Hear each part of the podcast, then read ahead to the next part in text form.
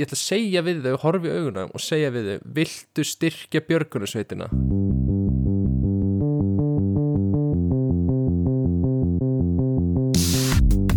Halló er eitthvað að frétta? Já það er ekkert að frétta. Já það er ekkert að frétta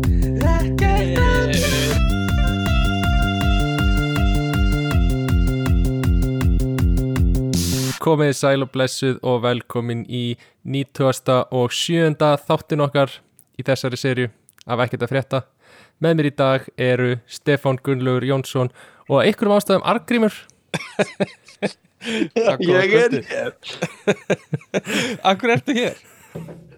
uh, Það er bara crack join og ég mæti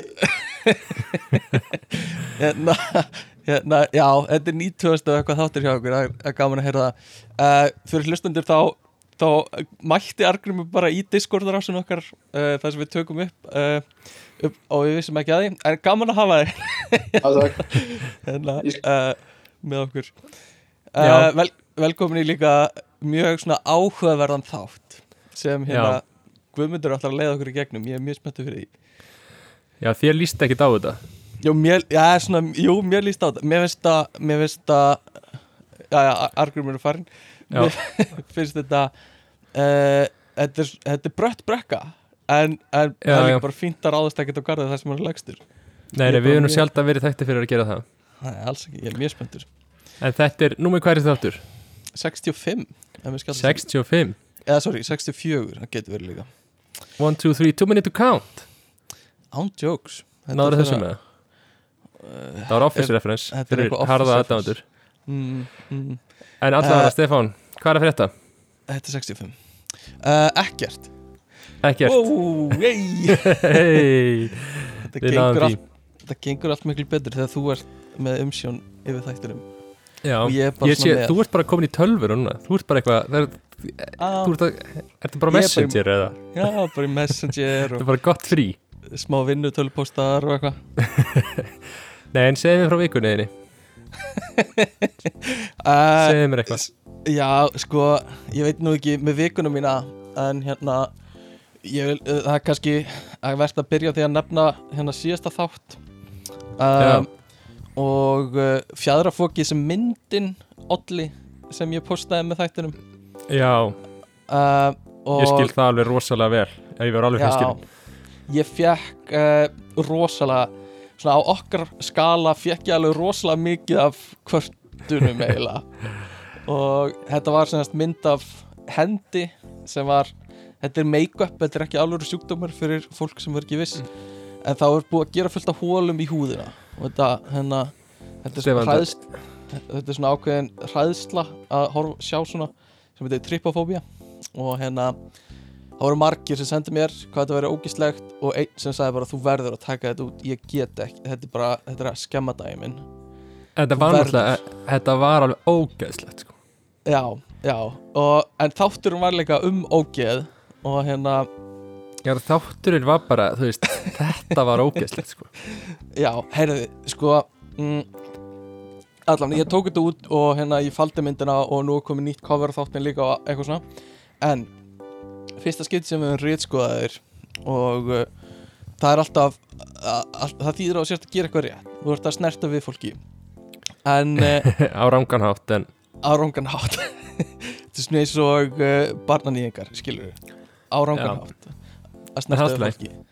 En uh, uh, sko myndin það, var, það er ekkert auðvelt að finna covermyndir alltaf. Og ég Nei. gerir nýja covermynd fyrir hvern þátt Já. og uh, ég fæ aldrei kredit fyrir það. Og það er Nei. rosalega mikil vinna. Og hérna, það er enginn sem horfir á þær nema þegar þær eru ljótar. Og þá fæ ég ljót komment en hérna, uh, ég var semst búin að vera að googla mjög mikið að hérna hvaða cover hérna leita að einhverju. Og, og a, sko afleðingarnar af því er að Google history mitt er mjög skrítið. Og var það ekki að- fyrir? Nei, vanalega er ég bara að googla eitthvað uppbyggjandi eins og þú veist Uppeldisráð. Já, og uppeldisráð, hvernig el ég sjálfa mig upp og eitthvað svona. En, en þú veist, núna er þetta oft bara eitthvað svona disgusting animals uh, disgusting uh, things and people posing og eitthvað svona. Og uh, þú veist CIA gæinn minn sem fyrir yfir öll gögnin frá mér Já, hann er ekkert glaður með eitthvað svona skilur nei, þannig nei. að þú veist uh, þannig að Google history mitt er Út að já, ég er vægast ruggla í algoritmanum uh, og auglýsingarna sem ég fæ eru núna bara eitthvað disgusting animals og eitthvað þannig. Þannig að Disgusting kissing. Disgusting kissing. Uh, allavega. Þannig að, að hérna, ég myndi segja að þetta hafi verið success þessi mynd. Uh, en mögulega of mikið success. Þannig að ég, ég get ég ætla ekki að byggast afsökunar en ég ætla að segja, og ég, ég heyri kommentir ykkar ég ætla að fá að beðast afsökunar fyrir hlustunda þáttana til hlustunda þáttana ok, Mér blöskraði. Oh, já. Þú vaknaði við þetta líka. Ég sendi þetta á þau um nóttina. Hvernig var að vakna við svona Það var bara ógeðslegt. Mm. Þetta var bara hræðileg mynd, skilur já, já. En ég get alveg verið sammála því að, að hérna, þú ert ennlega ekki að fá nóg mikið kredit sérstaklega frá hlustundum hann úti fyrir velunin störf. Já, takk, takk í grafíkinni. Já, það er gott, gaman að Þannig að fá smá viðkengu Þetta er ákveðin svona að þú varst svolítið að þú varst svolítið svona að bregðast við þeirri gaggrinni já, Að þú það hugsaðir- má alveg segja það. Ég fæ aldrei hrós, þannig að nú ætlum ég að gera eitthvað svo ógeðslega disturbing. Já, þannig að þannig að ég fái eitthvað feedback. Já, það má eiginlega segja það sko. Og ég, hérna, ég fann allan að línuna, við getum orðað þannig. Uh, Já, nei En- sko, ég, nei línan það var láta að vita. Línan er sko langt, langt, langt á undan þessari mynd sko. Ok, ok, ég fann línuna, við getum orðað þannig. En hérna, uh, annað sem varandi síðasta þátt. Uh, og þetta er, þetta er eitthvað sem er búið að svona kvíla svolítið á mér síðan við gáum þáttin út. Uh, mér, fannst þetta, mér fannst ég ekki koma þessu nógu vel frá mér sko Við vorum að tala um bækurna sem ég var að lesa. Já, uh, og mér fannst það hljóma svolítið eins og ég væri uh, að gera mig að einhver svona intellectual sem er alltaf að Já. lesa einhverjar heimsbyggjibækur eða eitthvað. Uh, ég vil bara að það sé á hreinu að ég er ekki að gera það sko. Uh, stöku sinnum kemur það fyrir. Já, en, en Get- ég, ég, var, ég var bara að hlusta á þáttinn og ég hugsaði bara Stefán, þú, þú lest ekkert heimsbyggi bókmyndir á hverju nóttu sko. Þannig að En- Það getur líka verið að því að ég sagði þetta við þig mm, að þú sést að vera nú svolítið meðvirkur. Getur það Eh, mögulega verið? Já, eða, nei eða kannski eftir hvernig þú vilt flokka þetta. Mm, ég, það gæti verið uh, og við förum endilega út í það eftir sko, af því það er það er, það er möguleg, möguleiki. Uh, Viltu, ef að fara í gegnum styrtala alla þáttanins í dag? Já, endilega. Rauð, rauðvin dagsins? Já, endilega. Bara, hverju styrtaræðirnar? Aðlurnar styrtar aðlarnar eru hérna þrísom. Þrísom. Þegar það er ekki Já, Býtu, er ok, býtu, ég ætla að ég ætla að taka? Já, hvað nei, er með það? Þau, sendu slagordspostan á þig. Hvað var að lesa upp fyrir þig? Þrísom. Þrísom. Einn, tveir eða þrýr som Já. Lítill Mexikani með þrísom sombrero uh, Þetta er uh, styrtar alveg þáttur Akkur, akkur hérna þurfti Akkur þetta vera þrísom sombrero Akkur var þetta ekki bara þrísombrero Þrísombrero, hefur ekki heyrt lagið? Lítill Mexikani með som sombrero Ah, ok, þetta er eitthvað lag Það er greinilegt að þessi var ekki Greinlega ekki intellectual eins og aðrir. Nei, þetta skrifaði Plató. Um, og Rauðin dagsins, tölum við það. Það er La Chouffe aftur, Það er La Joffe La Chouffe uh, og uh, þessi flaska sem ég er að drekka núna opnaðist en er samt bara fín. Mm, hefur verið opinn í smá stundum en ég fagna því. Já, Eh. þetta er einmitt sko La Joffe mitt er eiginlega höfuð svona, það er eiginlega okkar aðal hérna uh, aðal, aðal, aðalbjór. Ég myndi alveg segja það, það er uppáhaldsbjóra minn sko, uh, alveg híklaust þannig að þetta er góð dagur dag. Ég er mjög spenntur fyrir þættinum. Um, ég vil líka bara koma á framfæri uh, smá, smá þakklæti út í heiminn, út í kosmosin Já, ég er mjög þakkláttur í vikunni. Þakkláttur fyrir þig Sömuleiðis. fyrir hérna að lifa í hérna í, í hérna á Íslandi þar sem uh, nóa reynu vatni Já, nóa reynu vatni hreinu vatni já. en veistu hvað ég er ekki þakkláttur fyrir Á, það Sko- hlaut að vera hvað pyrra mig svolítið Hvað pyrraði þig? uh, uh, þegar ég er í bíl og ég er að keira og Já. Eins og þú veist þá er ég mjög lög hlýðin borgari. Uh, og Mm. uh, ég nota aldrei síman undir stýri. Þannig að þegar ég er að láta tónlist og það er einhver með mér í bíl þá gef ég viðkomandi síman og opna síman og setja á Spotify og uh, viðkomandi velu tónlist og svo læsir hann ekki símanum. Það, það, það, það er svo pyrrandi þegar hann heldur bara á símanum opnum í þú veist í einhverja mínútur á þess að læsa hann Ég gerir það þetta óþólandi Býtu, ert að grínast eða? nei, þú ætti að læsa þú læsir símanum alltaf. En þá þarf ég alltaf að vera að byggja þig um að opna já, þá byður þá byður mig bara um pinnið. Ég get alveg látið upp á pinnið. Myndur þú láta með Myndur þú segjuðu pinnið hérna í beinum stundíku nei. En ég skal láta þig fá það og hérna þetta er algjörlega óþólandi og e e- ákveðin vinur minn gerir þetta mjög oft og hérna já, ég bara, ég meika þetta ekki. Og Ok, ég vil eh, bara starta hreyfingu ég vil bara starta byltingu ég vil bara koma þessu í þannig að fólk fara að tala um þetta. Ég er bara algjörlega ósáttu við þetta. Ok, ég, það er gott að vita þetta sko Því ég ger þetta alltaf.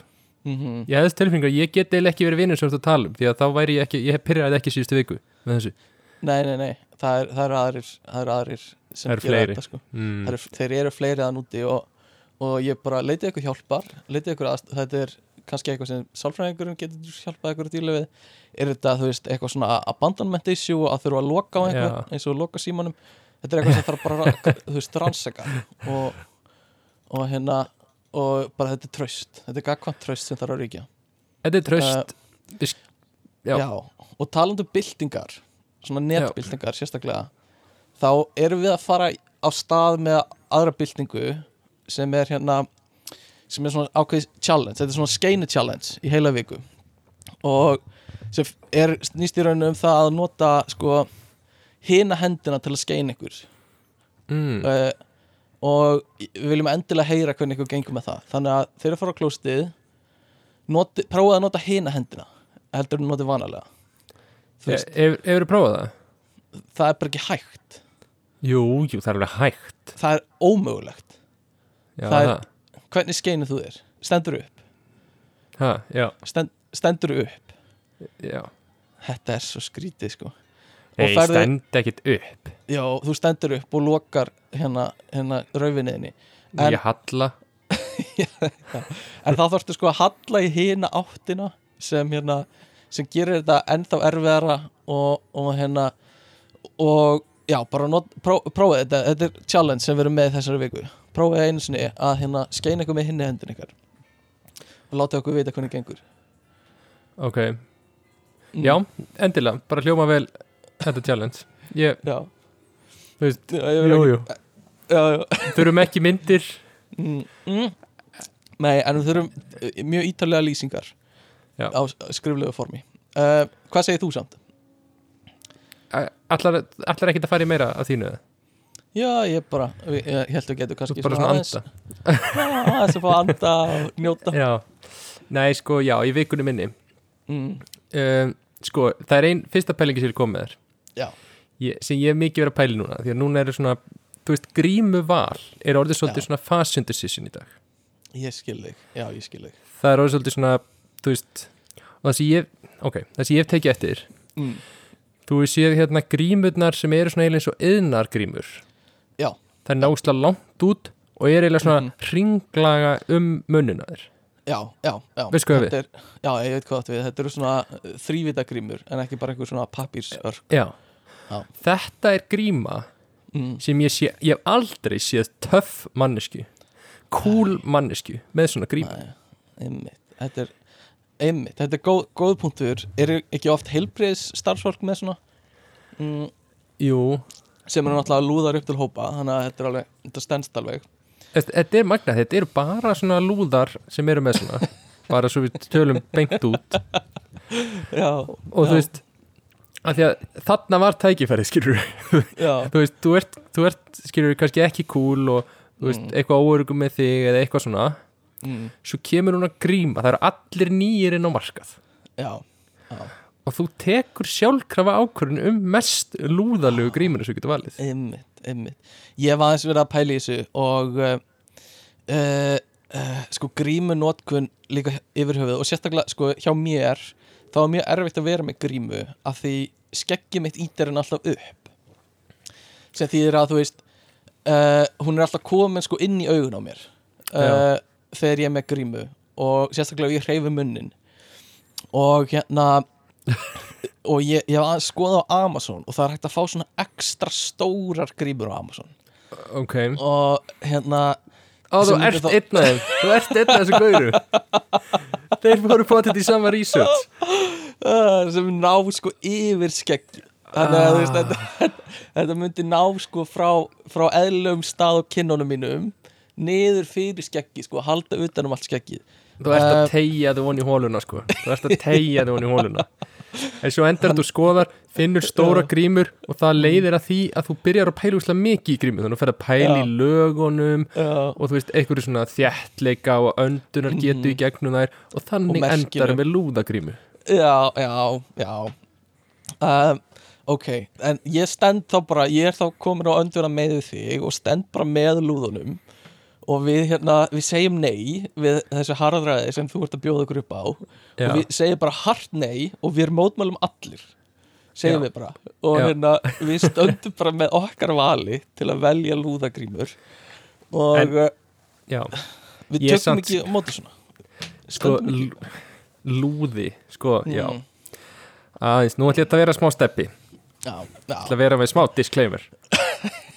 Sko þegar ég segi lúði mm, þá meina ég bara að það vita allir hvað ég á við svona ekki manneskja sem er venjulega þekkt fyrir að vera í mjög flottum fötum eða manneskja svona ekki svona Instagram manneskja mm, en það fólk er venjulega með þú veist einhverja taugrímu og það er þú veist og hún er í stíl við litapalettuna og öllu átvittinu þeirra og eitthvað svona. Já, uh, við hérna, við bara höldum áfram á mótmæla þér uh, en ég skil hvað að meinur, þetta er orðið mjög áhugavert og uh, bara, bara þessi tís, að þetta, þetta er partur núna af tískunni sko, já, sem er ógæslega fyndið. Og þú veist, þetta kom upp fyrir tveimur árum og Já. það er alveg eðlegt að þetta sé fara að þróast upp í að verða bara dagstæglegu klæðnaður. Að Nei, líka bara- að- þegar fólk var bara býðugslega mikið eftir að næk gæfi út einhverja svona rættar grímur Já, ymmit, ymmit Það er ógeðslega Það er svolítið steikt sko. Af því, sko ég nota alltaf bara eitthvað svona sem ég kaup út í búð Eitthvað svona grænt, grænblátt drasl eitthvað. Uh, En þú ert að segja mér að töffarnir uh, eru, eru, eru að kaupa einhverju svona merkjavöru grímur já, er oft með eitthvað. Og aðalega sko það að hún sé stíl Veistu, ok, mm, ef þú ert með sko til dæmis svarta grímu sem er samt basic gríma Já, Þú veist, svarta bónusgríman. Þá ertu samt sko þá ertu samt, þá ertu í svörtu líka þú veist, það er í stíl. Mhm, mhm. Já, og þú er áttur sko aðra hvíta þegar þú ert í hvítri skilju, Já, ég skil þig. Þannig að þú veist það er svona fólk sem er ekki, þú veist, off í litunum. Mm, mm, þú veist, þess að ég átti til dæmis svona hérna, svona base litað gríma því það var eina sem var eftir. Já, já. Sem passaði aldrei við neinn fött ég var í. Það er skelfilegt, beislitu gríma. Svona, andl, svona, svona Caucasian andlislitu hérna, Ó, og hvort það passaði já, já, já, já, Það er samt, vissur þetta kent í dag sem drapplitaður. Drapplitað það er, það er flott, það er ágætt. Uh, drapplitað grímur, já, það er skelfilegt sko. Uh, hvað finnst þér um svona með einhverju munstri? Eins og þú veist, andliti eða, eða uh, fyririldum eða eitthvað svona? Sko, mér finnst það ekki töff, sko. Nei, nei. Já. Mér, mér finnst líka svona djókgrímur orðan Þú veist, já, já, já, já, já eitthvað svona djók andliti, skilju. Ógislega fyndið, svona fyrsta manneskjan. Ég veist, það var aldrei Mhm. Já. ógeðslega fyndið en það var svona, Sér það og þú bara getur ekki hægt að hlæja. Þetta var bara fáránlega fyndi en það var alveg moment ég var svona, hei, þetta er sniðugt. Gríman, hún er eins og Mhm. þetta sé bara andlitið mm en núna þú sér eitthvað, þá ertu svona mm, nei. Ég vonaði ekki keift þessa síðasta hálfa árið. Einmitt. Ég er líka nokkuð sem að sko uh, tíðnum sem mannesk einhver sem heitir Grímur hefur fengið einhverja brandar á sig hefur hrí, bara hefur skyrocketað síðasta, síðustu tvö árin. Og það væri kannski fínt að taka bara smá tíma og bara segja hérna takk fyrir þína þjónustu að taka við öllum bröndurunum Grímur bröndurunum uh, af Þetta er hverju? þetta er bara þetta er, þetta er mikið vandamál fyrir þessa mannesku uh, já, en mjög góðar mjög góðu púttur sko. Þessar, þessar grímur eru með já, mikið vandamál sko. Já, ég sakna heimsins. Ég sakna gamla heimsins sko. Og já. ég er búin að vera að horfa svolítið á hérna svona íslenskt afturrengarefni eins og vaktinnar og Já. eitthvað. Uh, og djöfull er þetta gott stöf já, já vaktaserjunar og Freðarsson og bara svo Já. góði karakterar. Ég er búin að vera svolítið að bingja það núna allar vaktaserjunar og ég er, ég er komin svolítið í sko Georg Bjarn Freðarsson er svolítið búin að gegn síra mig sko. Og svona, ég er yfir maður hér og hérna bara fæst undir svona bara svona til svona kvatir til að, til að öskra á fólk og eitthvað. Þetta er, en, þetta er bara svo vel skrifað og svo gott stöf ég, þetta er nefnilega allt á YouTube. Þetta, hérna, ég fann þetta allt á YouTube það er einhvern veginn að upplota þessu öllu já, og það áður en, áður en fyrir að öskra á mig þá á ég þetta líka á DFT svo ég er búinn að kaupa þetta. En Já. bara upp á þægindin er ég að horfa á þetta og uh, ógeðslega, ógeðslega gott sko. Þetta er Góð líka sko karakter. að því að þetta var náttúrulega einhvern sem hann heyrði það að upphaflega átt var hum, það var pizza hugmyndin að búa til íslenska office.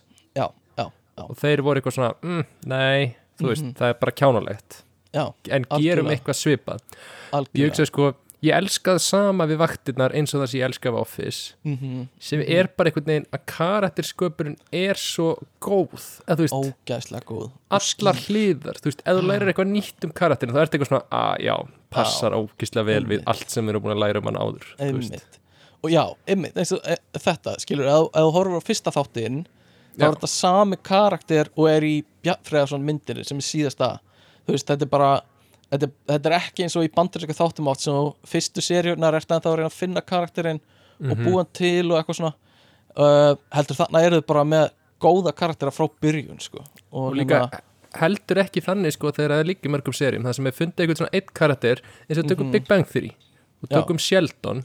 Það fundir einhver eitt karakter mhm, og hann er fyndin í fyrstu serjunum já, og þá er hann bara látin vera eins fyndin á sama hátt í Já. tíu ár Mér finnst það líka svolítið mikilvægt sko að þú, svona, þú finnur eitthvað nýtt sjónarhótt án þess að Mhm. samt algjörlega algjörlega sko. snúa við karakterin algjörlega.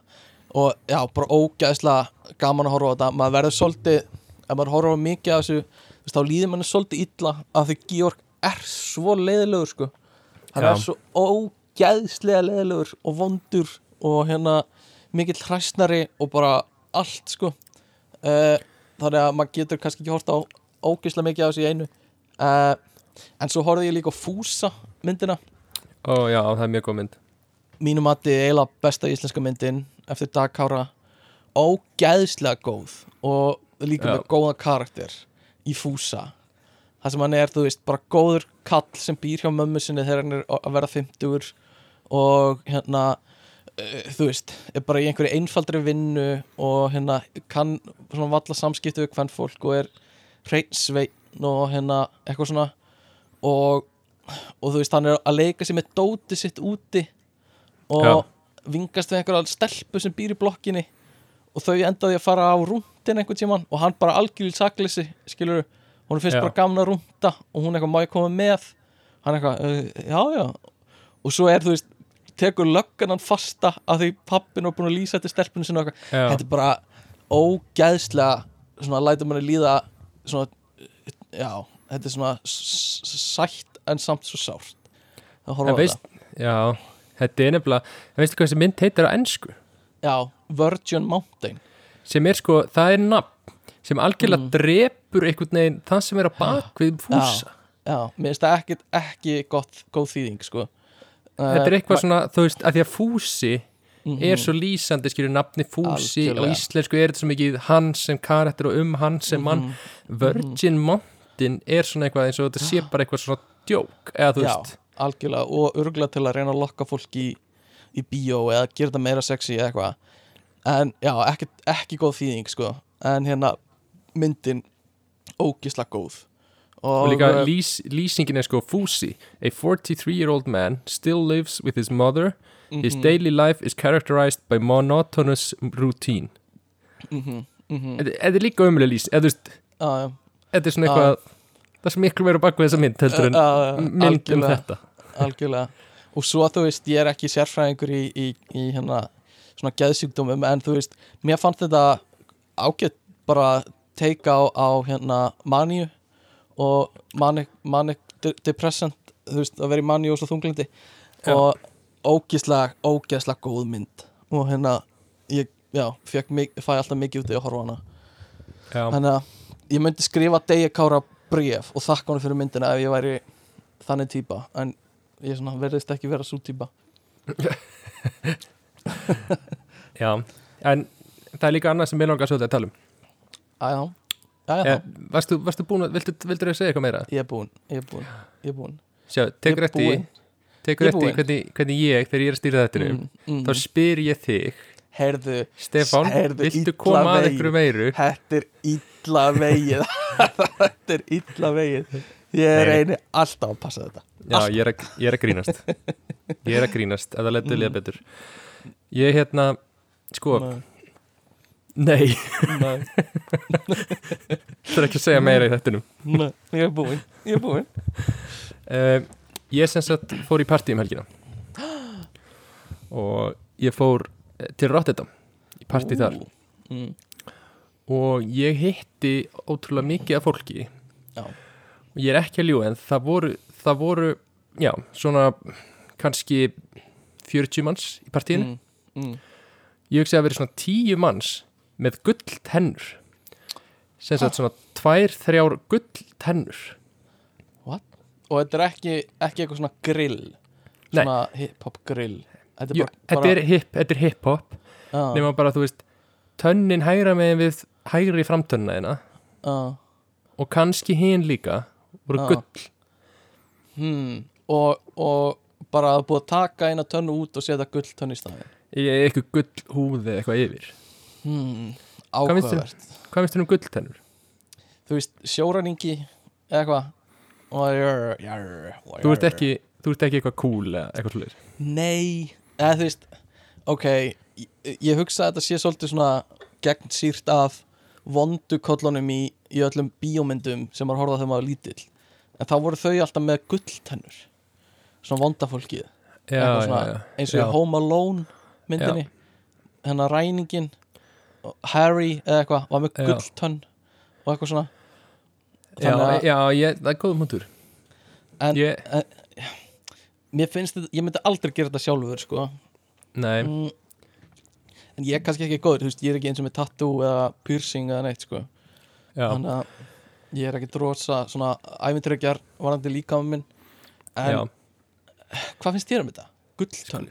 Ég, sko ég, Já, ég, ég nefnilega áttulega erið með þetta, ég var ekki á gull, tönnu pop, skrítið. Og svo, Já. fyrst, að ég fyrst sá ég bara einn. Og Já. hann er komið gull og ég eitthvað, já ok, þú veist, ég skilða alveg þú mistir tönnina, skilur þú, að þú ert cool gaur, skilur já, já, mm og svo sá ég miklu fleiri. Mm, mm. og mér fannst Einmitt. það svona surprisingly tough. Ok, áhugavert. Það er mjög, mjög skemmtilegt.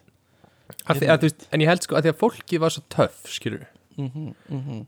þetta voru svona típur af fólki sem ég lærði síðan setna voru, veist, þetta var vist fólk í Rotterdam sem er hérna sem er öll svona rapparar eða pródúserar mm. eða einhverju svona eða einhverju, þú veist, vinna í einhverju leipúli umbásum, þetta var svona þannig dæmi hvernig óskupunum komst inn í þetta partí ég var bara dregin af félagum mínum hérna úti, sko ég Áhugavert. þekkti, þekkti engan, sko var eini sem Ok. talaði ekki hollensku þarna spennandi en, en já og, og þannig að mér fannst ég sjá þetta og ég, mm. mér fannst þetta svona, ég var náttúrulega sjúklega out of place skilur já, já, svo Já. mæti ég bara einhver íslendingur í uppneftri skirtu alveg í háls og bara eitthvað, þú veist En- en ég var svona eitthvað, ég hugsaði smá svona djövill þarf maður að vera cool til að púla gull, Mm. mm. þú veist, þú þarft að vera bara alltaf cool, skilur einmitt, einmitt og Mér ég finnst einhvern þetta Já, mér finnst þetta smá í svona sömu kategóri og þú veist uh, tattoo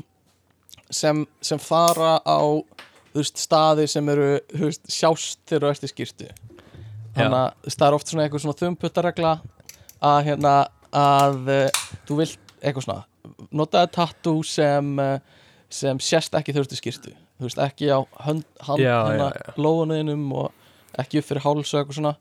Uh, það er ekkert að því, skilur en þetta er eitthvað svona þumputregla og þegar þú brýtur hana þá finnst mér að vera komin á svipaðan stað og vera með gulltönn sko. þú veist, að já. þú fara með andlitstatú eða á, á lóunniðinu með eitthvað svo leis já, uh, þetta er svona á svipaðum stað finnst mér. Þetta er líka sko það var einmitt það sem ég ætlaði að koma að sko að ég tók eftir að þetta er sama fólki sko. Já, einmitt, og það, það var pælingið mér sko, ég tók eftir að þetta var líka fólk sem með tattu á hálsinum og, Mhm, og svona, þú veist, eitthvað svo leiðis Þann, þannig að ég fór að hugsa er, þú veist, er einhver svona gulltanna bylgja sem á eftir að koma til dæmis til Íslands. Já, einmitt sem að kannski ég og þú gætum starta já, vá, geggjað. Við gætum, við gætum bæði staðið fyrir þessu með því að gera þetta við sjálf okkur Já. og við gætum líka stopna fyrirtæki kringum þetta sem býðst til þess að setja í fólk gulltennur. Já, hm, hugsaðum það.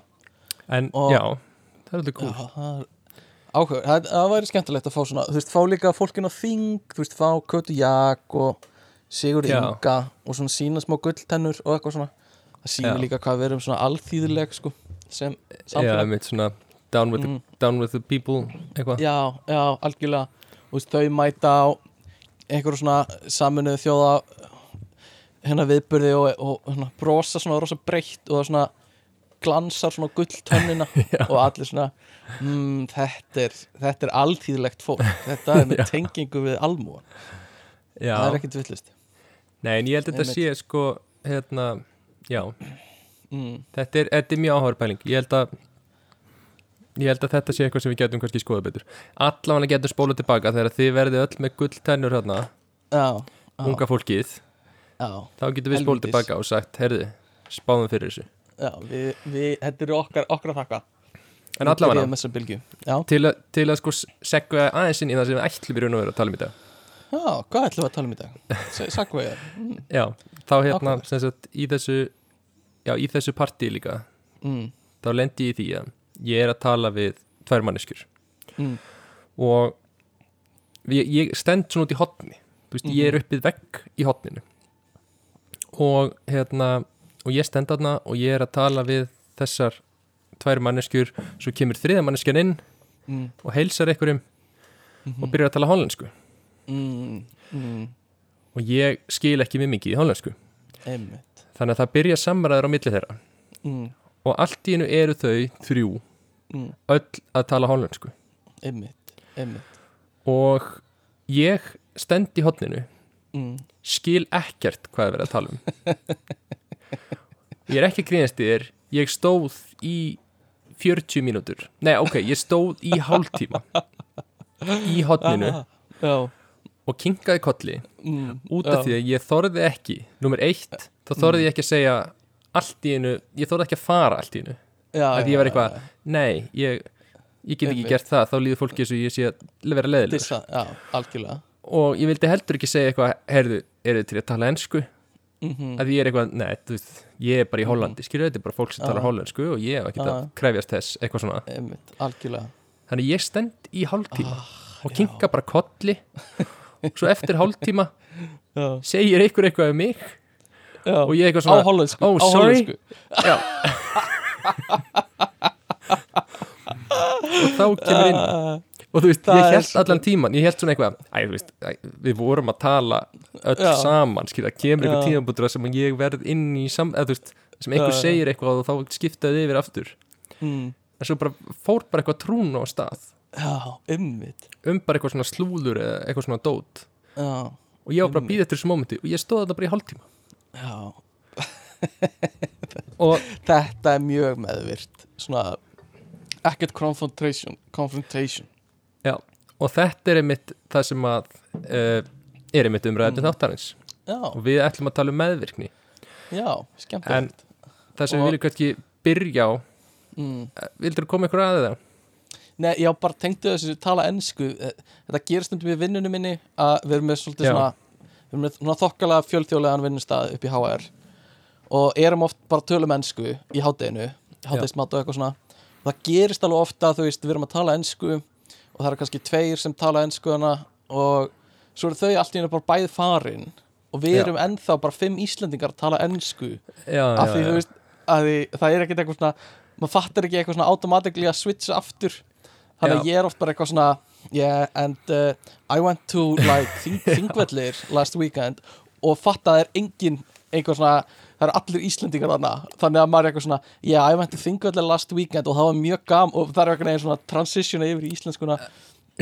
Þetta lendi, ég lendi oft í þessu sko en það ég var að- mjög gaman. Bara, oft bara búin að vera í fimm mínútur og fatta þetta ekki sko. Uh, ég nefnilega, já, ég tek eftir þessu akkurat öfugt í vinnu minni, Mm. ég tek eftir Já. því þegar hollendingandi gerir þetta mm. er að tala ensku, svo er ég Já. ekki lengur með í samræðanum, en ég heyri þá vera að halda áfram á ensku, Já, já, ummið, ummið, en það er líka annað sem fylgir sko, að þeir eru út í hóp af hollendingum, mm, ég hópa einhverjum sem er að tala ensku Mm. að því að þú ert þarna Já, þá hérna þá líður mér alltaf eins og þú veist það er ekki verið að tala við mig já, það er verið að tala um eitthvað annað samræðan eru Mhm. búin að shiftast yfir í eiginlega eitthvað tvo sem eru bara að tala ummið, en mér líður samt þess að ég þurfi svona ekstra mikið að sína að ég sé present út af því að það er verið að tala ensku svo ég skil. Já, fyrir þig, ummið, ummið þú, þú veist þannig ég get ekki bara fyrir eitthvað ef ég fer í síman þá er allir eitthvað svona yes and uh, uh, uh, já, maður líka eitthvað skipt yfir þú veist. Já, ummið Já, þetta er líka, það, er það er alveg erfitt líka að vera alltaf að flip-floppa þú veist, ef þú ferði síman þá taka þér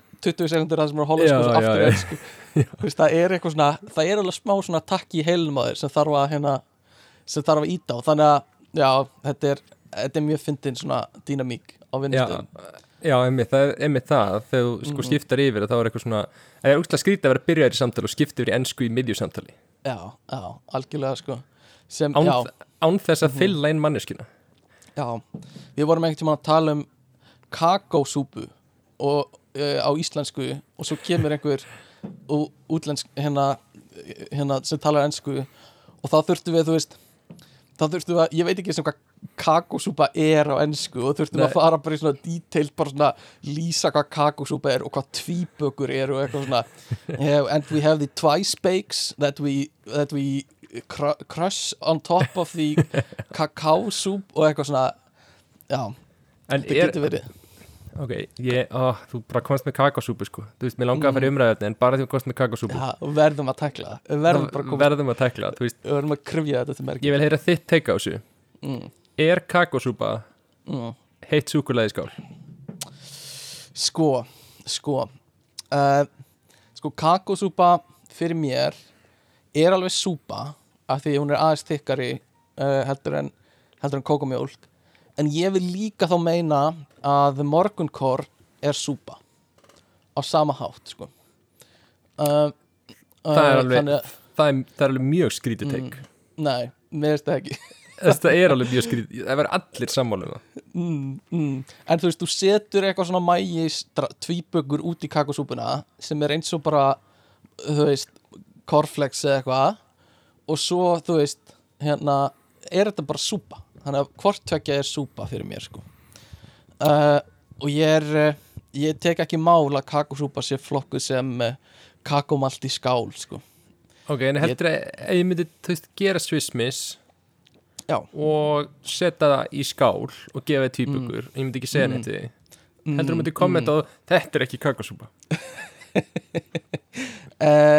uh, það er aðeins eitthvað konsistansi þarna sem væri Já, þú þurftir að setja sko sósu þykki úti eitthvað svo leiðis og þykja hana þessu. Uh, Þú gætir sennilega að platta mig sko. En, en þá erum við bara komin á sko þú, Er gætir, hérna- þú getur ekki er- plata mig skilur mm, mm, ja, ég veit ekki hvernig, þetta morgunkotni er náttúrulega bara frálegt sko. ég veit ekki hvernig ég á að taka það sem dæmi sko. Að sko auðvitað er morgunkort súpa, ég veit hvort að reyna að segja. Auðvitað er það súpa. Og ég er alveg sammálaðir þar en hérna uh, það, sem, það sem við þurfum líka að taka með í reikningin er sko að, að, að kakosúpa er, er, er, er súpa. Ég veit ekkert hvert ég er að fara með þetta. Ég byrjaði að segja á svo við þetta neitt hvað ég ætla að segja. Er súpa eins og aspasúpa í, í, hérna, í glasi er ekki drikkur, skilur það er súpa. Já, en heitt súkulega er drikkur ég lend, ég, mér finnst ég lenda þess að ágætlega. Uh, nei, uh, mér finnst það ógeðslega góða punktur hjá mér. Uh, uh, þannig að þú veist að þú ert með kakó í, í, í, í hitabrúsa í fjallgöngunniðinni þá ertu að drekka súpu sko. við þurfum bara við þurfum að hafa þetta hreinu. Við þurfum bara að negla þetta niður og Ok. hérna við þurfum að fara með þetta bara veist, helst fyrir einhverju orðsifja nefnd og bara kakó er súpa. Eða bara Instagram. tökum þetta bara Instagram tökum þetta bara Instagram það er, það er alveg gott. kjósa. Er, Já. já. Sko, ok. við, já, það er tvent það er annars vegar Mm. er heitt súkulega í skál kakosúpa mm. og hins vegar er morgunkott með mjólk súpa og ég er, ég er, ég er eiginlega handviss um að hérna, fólk komist að, uh, að sömu niðurstöðu ég. Og ég skal geta hattinn minn ef það er ekki þannig. Ok, þannig að ég staðfesti það bara hér og nú um, en við, við útkljáum þetta á hérna á, á instana eins og það segir. Já en já, allavega hættum að pæla í þessu. Það sem við ætlum að tala um í dag er meðvirkni. Og glæsilegt. sko, ég hugsaði við byrjum að Mm. tekla það, þegar ég hugsaði meðvirkni Já. þá hugsaði ég svona hvað, þú veist, maður er alltaf að segja þetta á íslensku eða þú veist, maður segir Já. þetta með ofta á íslensku maður er svona, vá, ég, djúvillar í meðvirkur þarna eða djúvillar alltaf Já. eitthvað meðvirkir að gera þetta. Mm og við segjum þetta sem svona þú veist, mm. æ, svona meira djók en þetta er svona lýsingar fyrir eitthvað sem er ekki mjög alvarlegt. Já, einmitt, einmitt. Það En er ef að þú- ef þú skoður þetta ennsku, skoður þýningun á ennsku mm þá er þetta meira í áttina að eitthvað svona og codependency. 100% eða enabler. Mm þú veist, sem er það svolítið svona já, sem er svolítið veist, og bæðir svolítið svona ekki góður hlutir. Veist, já, codependency þú veist, er, ég veit ekki ef þú vilt tala meira um það en, en, Mm. en þetta er svona meira, já, við tengjum þetta við, þú veist ofbeldi Já. sambönd og alkoholisma fíkn yfir höfuð, þú veist, við tengjum þetta meira við svona neikvæna hluti og enabler eitthvað sem er þá líka að enabla eitthvað í slæma hegðun og svo leiðis, mm -hmm. þannig að Sko- það er ástæðan fyrir okkur þér fannst þetta vera svolítið svona djúft, sko Já, málega er það hægt að fara með þetta alveg þangað og uh, þetta er alveg mjög þungt hugtak í þeim skilningi í svona, þú veist, alvöru skilningi að hérna eitthvað svo leiðis, en svo getur þetta líka verið eins og þú varst að tala um, þú veist, ef við hugsum þetta sem eitthvað svona, þú er ekki að segja hérna, að getið nokkuð talað ennsku svo ég, svo ég skilji hvað er í gangi. Í stað fyrir að standa bara því- af því að það er eiginlega bara á íslensku mm, þú veist, mm, þú veist ei, það er búið erfitt að finna eitthvað á netinu. Já, sögur af fólki það sem að notar codependency eða enabler í einhverju svona aðstæðum. Eitthvað svona, að ég gerði bara þetta. Eitthvað svona, Mhm. það er mjög erfitt, algjörlega. Við höfum sennilega farið báður í Google fyrir því sko.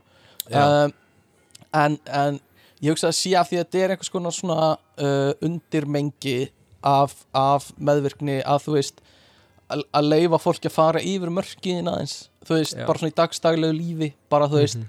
vinuðin spyr, má ég fá bíliðin lánaðan og þú Já. eitthvað, að ég þarf eiginlega að nota hann en já, ég get lánaðir hann í kannski í, í hálfan dag og svo skilaði hann bíliðin tveimtu og seinna og þú ert eitthvað svona já, ég þarf eiginlega að fá bílin og hann eitthvað, já, ég þarf að skjóta staðins meira eitthvað Já. svona og það er, þú veist, það er þetta að leifa fólki aðeins að ganga inn fyrir þín mörk, sko og hugsa einhvern veginn að, að þau eiga að ganga fyrir og viljir ekki, þú viljir ekki starta neinu, þú viljir ekki, þú veist þú viljir bara halda öllum góðum, sko. Uh, en en en það getur verið samt uh, mjög alvarlegt uh, mjög alvarlegt dæmi, sko. Eins og eins og tengt til dæmis fíknisjúkdómum og uh, ég er mjög svona virkandi skleimer um, sem er, hérna við erum þjálfaði fagaðalar og þessi orð ættu að vera tekin sem bein, nei, ættu ekki að vera tekin sem, við erum ekki fagaðalar og ættu ekki að vera tekin sem, sem beina ráleggingar eða sannleikur eh, það sem við erum að tala um hérna. Og ef, ef því grunar að þú eða einhver kringu sé meðvirkir þá er fullt af stöðum uh, sem þú getur leitað aðstöður hjá fagaðalum, sálfræðingum og eitthvað. Þannig að Gummi er hérna búin að strika yfir öll, öll ekki orðin mín og hérna í, í því sem ég var búin að skrifa niður uh, þannig að, að ef, ef ég rúla eldsnögt í gegnum bara svona þessi, þessi alvarlegu meðvirkni sem getur komið upp Já. á ég að gera það? Er, erum við tilbúinir í það?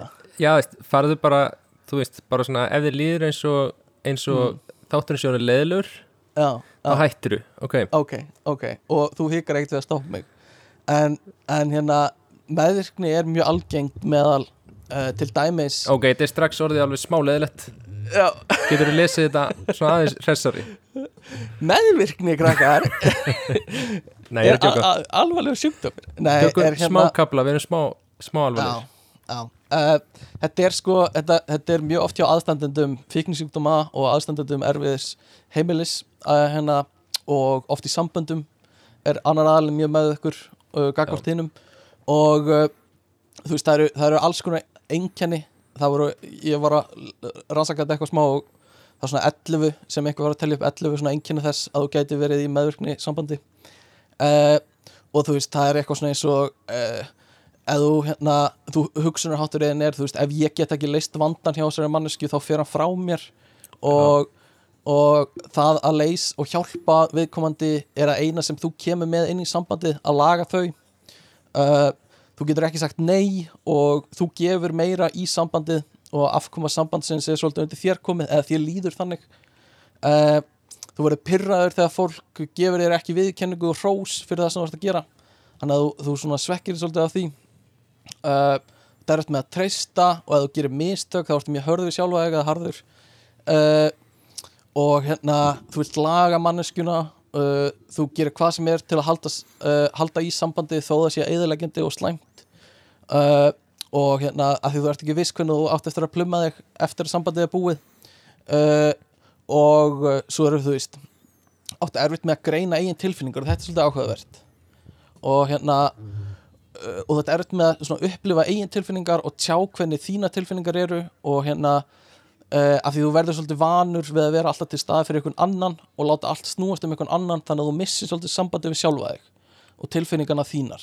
Já, og hérna og, og upplifir því svolítið bara gegnum hina manneskuna og hérna og þú veist ekki lengur hvað skiptir því máli og hvað þú þart fyrir utan sambandið og bara hver þú ert.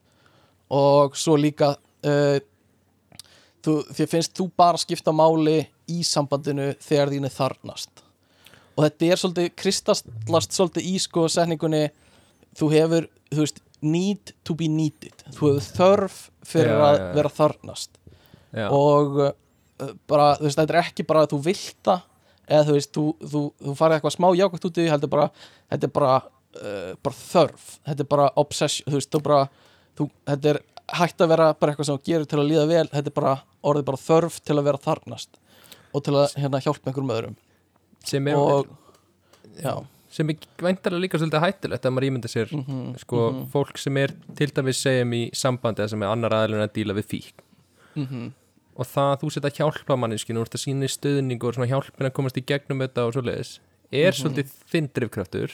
Mhm. Sem þýðir væntalega líka að þú upplifir rosalega erfiða tilfinningar ef að manneskinu síðan í raun og veru gengur betur Já, það getur verið sko. Og hérna og þú upplifir þá eins og þín sé ekki þarnast lengur sko. Það getur Já. alveg gerst sko. Og hérna uh, þú, þú, þú getur líka sko byrja á því að velja maka sem eru nýti eða þurfandi skiluru og velja maka sem eru á bástöðum stað eða eiga bátt eða eru veik bæði líkamlega og andlega. Bara því einhvern veginn þú upplifir allt bara í gegnum þetta samband sem þú veist þú, þú þart að hjálpa þessari mannesku og veist, þetta er þetta er bara svona skoðin hjá mér er, veist, þetta getur verið svolítið erfitt af því þú, þú, þú vilt kannski gera gott eða þú veist, þú ert að reyna þú heldur að þú já. að gera gott og þú ert að reyna að hérna á blaði bara að vera góð manneskja en hérna en þú veist í fyrsta leið algjörlega að, gleyma sjálfur þér uh, og þú ert, þú veist, ekkit endilega að gera það sem er gott fyrir viðkomandi. Að hérna, að þú veist, gera allt fyrir hann og kannski ertu farin að leysa einhverjum vandamál sem hann veit ekki eins svona sjö vandamál. Eða þú veist, hinn aðilinn. En er þetta ekki líka, þú veist, er þetta ekki líka svolítið það að þú ert ekkert, þú veist, þú er unni féluð á bak við það að þú sért bara að reyna að vera góður og svo leiðis, mm en þú ert mjög oft kannski bara kljást við þetta, þetta er rauninni tengt þér, manneskinu sem oft. er að vera meðvirk, eða þú veist, mjög oft sko þú veist, og þú ert í rauninni bara að fæða sjálfa þitt eigið óryggi. mm, algjörlega, það er oft þannig og það er svona spurning hvaðan þetta kemur þetta er oft tengt við hérna eh, erfiðar heimilisaðstæður í æsku hjá þessum sem er meðverkur að þú veist, Já, hann fær ekki ást og honum er ekki, viðkomandi er ekki sínd ást í æsku og, og þú veist fær ekki aðteklina sem heldur á vanti og þú veist, fer þá að byggja upp einhvers konar svona persónuleika uh, uh, og, en það er alls ekki þannig að endilega ef þú ert í sambandi með mannesku sem er uh, eitthvað veik líkamlega andlega eða ábátt eða eitthvað svoleiðis að þú sért meðvirkur. Það, það er alls ekki þannig endilega sko. Já, það getur verið það. Og hérna það var alls ekki tólkað þannig að, að, að þú ert í svo- þannig sambandi að, að þú sért meðvirkur. Heldur bara það hægt að vera í mjög heilbreyðu sambandi með manneski sem er veik og hérna á þess að vera meðvirkur Já. og hérna en, en það er ágætt að hugsa bara út af því hvað þú ert að fá út úr sambandinu og hvers þú þarnast og, og hérna og reyna að gera það svona aðal ástæðinu fyrir þú sért í sambandinu.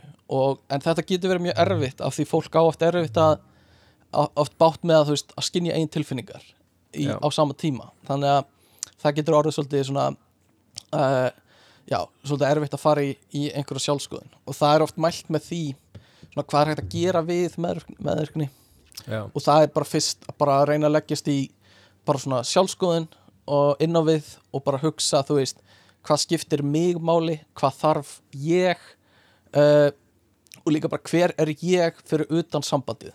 Ef við tökum sambandið í burtu hvað stendur eftir, skilur er ég að sinna því nógu mikið? Já. og uh, hvað finnst þér gaman, hvað elska ég í hverju er ég góð uh, og bara svona að þú reynir svo bara að reyna að þróa það áfram óháð sambandinu. Uh, þannig að þú getur gert þú veist, þannig að þú komist á þann stað að þú getur gert hluti fyrir annað fólk og notið þess mhm, en þú þarft ekki að gera þessa hluti fyrir annað fólk. Þú veist, þú hefur ekki þessa, þessa, þessa þörf til að er gera ekki það svona obsession parturinn Nei. af þessu. Nei, einmitt En eru, Uh, bara, mm, ef ég má stoppa þess, Já, eru, sko, að því að þessi partur þar sem þú ert í rauninni að áttaði á því og skilja hvað þú þarft mhm, er, mhm, mér líður eins og það er frekar svona flókin spurning. Myndið þú geta Já. svara því nákvæmlega hvað þú þarft úr sambandi?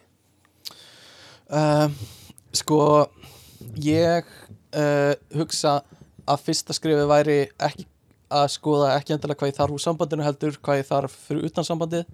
Já, og uh, að þú getur komast að því þú veist, bara að þú ert farin að hætta sinna kannski áhugamálum eða Já. átt ekkert mikið áhugamálum hættur að Uh, reyta vinina eða eitthvað.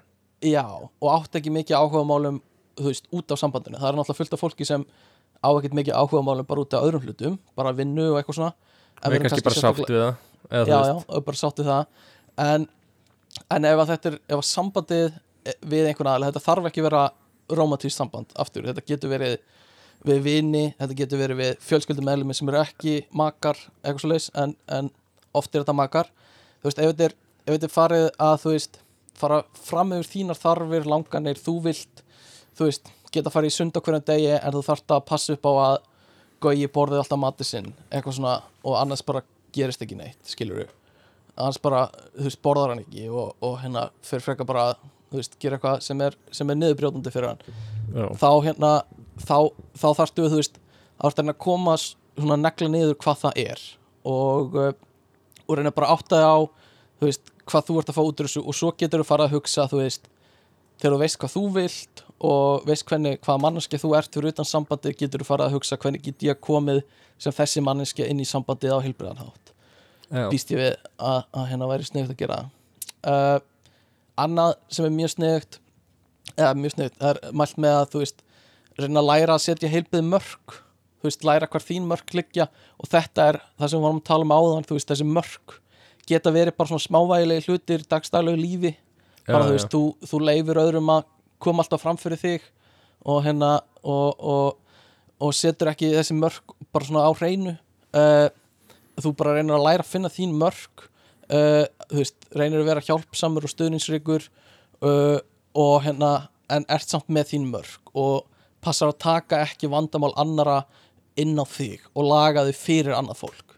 Það er Já. mjög gott það er mjög gott í þessu að, að, að vera til staðar og það er allt annað en þú þarft ekki að leysa vandamál annara og gera þau að þínum. Já, þú veist, að þú ert með einhvern vin eða eitthvað svoleiðis sem á mjög erfitt, þá þarftu bara að vera til staðar þú þarftu ekki að vera lausnin í, í öllum tilfellum sko. og hérna og ef þú ert uh, og, og það er munur á svona heilbröðu sambandi og óheilbröðu sambandi og það er þú veist mjög, það er svona merkjum óheilbröð samband er að ef þið líður illa ef þú ert þreytt og stressaður eða stressuð ert bitur, gramur eða gröm og bara líður eins og þetta samband sjó mikið þá er það mögulega óheilbreygt en svo eru heilbreyð sambönd þá kannski líður þér eins og þú veist þá líður vel með þetta og þér líður eins og getur verið til staðar fyrir þau og stuðið, stuðið þau og unni með þeim til langstíma og þú veist, þetta er þú, þú verður, þú veist, þetta er fram þú getur séð þetta sem framtíðar já, sín um, og þú getur viðhaldið þessu til lengri tíma. Og hérna þetta, já, snýst ekki um að leysa vandamáli þetta snýst um að vera til staðar er það sem getur gert fyrir annað fólk.